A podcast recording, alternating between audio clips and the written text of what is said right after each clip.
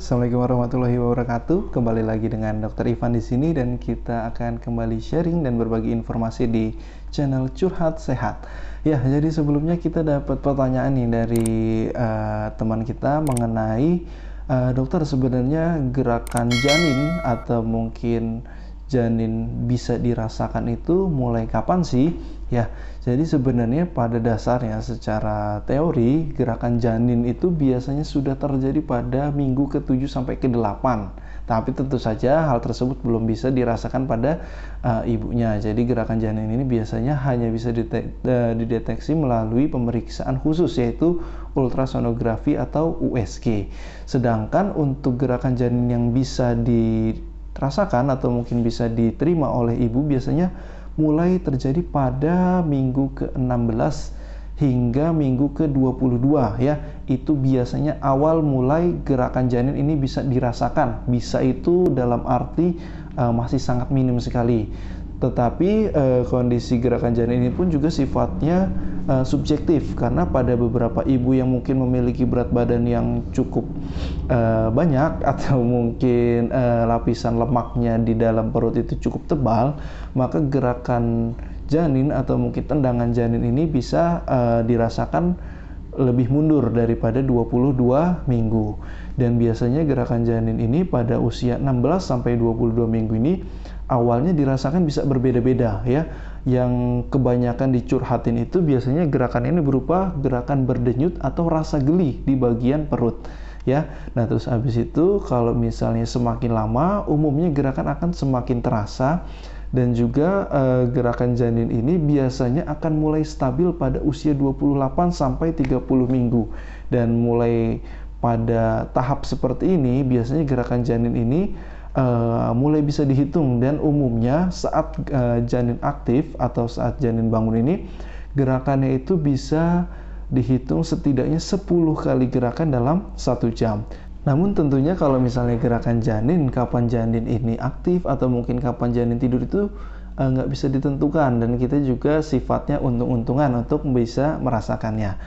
Namun uh, ada beberapa kondisi gerakan janin akan lebih mudah dirasakan atau mungkin gerakan janin ini akan tidak terasa ya yang sebenarnya kedua kondisi itu masih dalam batas normal.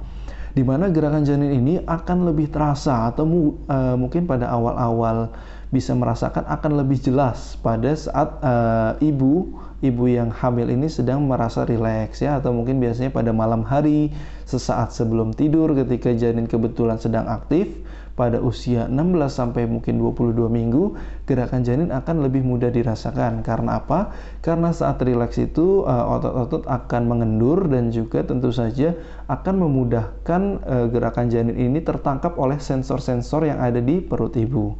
Dan mungkin gerakan janin akan lebih tidak terasa pada saat uh, pada beberapa saat tertentu. Seperti Uh, contohnya saat ibu merasa cemas ya atau mungkin saat ibu melakukan aktivitas keseharian atau mungkin juga pada saat-saat uh, tertentu seperti saat ibu berhubungan seksual biasanya kondisi otot ini akan menyebab apa namanya kondisi otot akan uh, lebih tegang daripada biasanya. Dan kondisi otot yang tegang ini akan menghalangi uh, gerakan yang dihasilkan oleh janin untuk dirasakan ibu. Karena uh, hal tersebut biasanya adalah hal yang normal.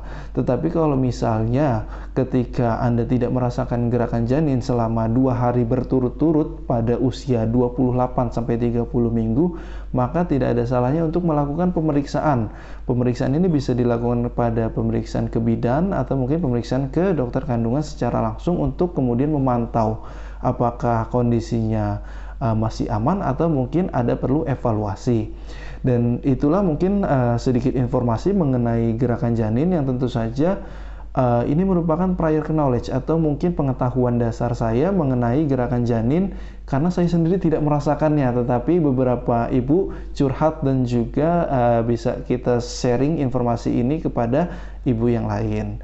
Dan itulah yang bisa saya sampaikan, kurang lebihnya saya mohon maaf dan apabila ada uh, perbedaan pendapat atau mungkin pertanyaan yang ingin ditanyakan silahkan didiskusikan di kolom komentar dan jangan lupa untuk subscribe, like, and share uh, channel ini untuk mendukung channel ini.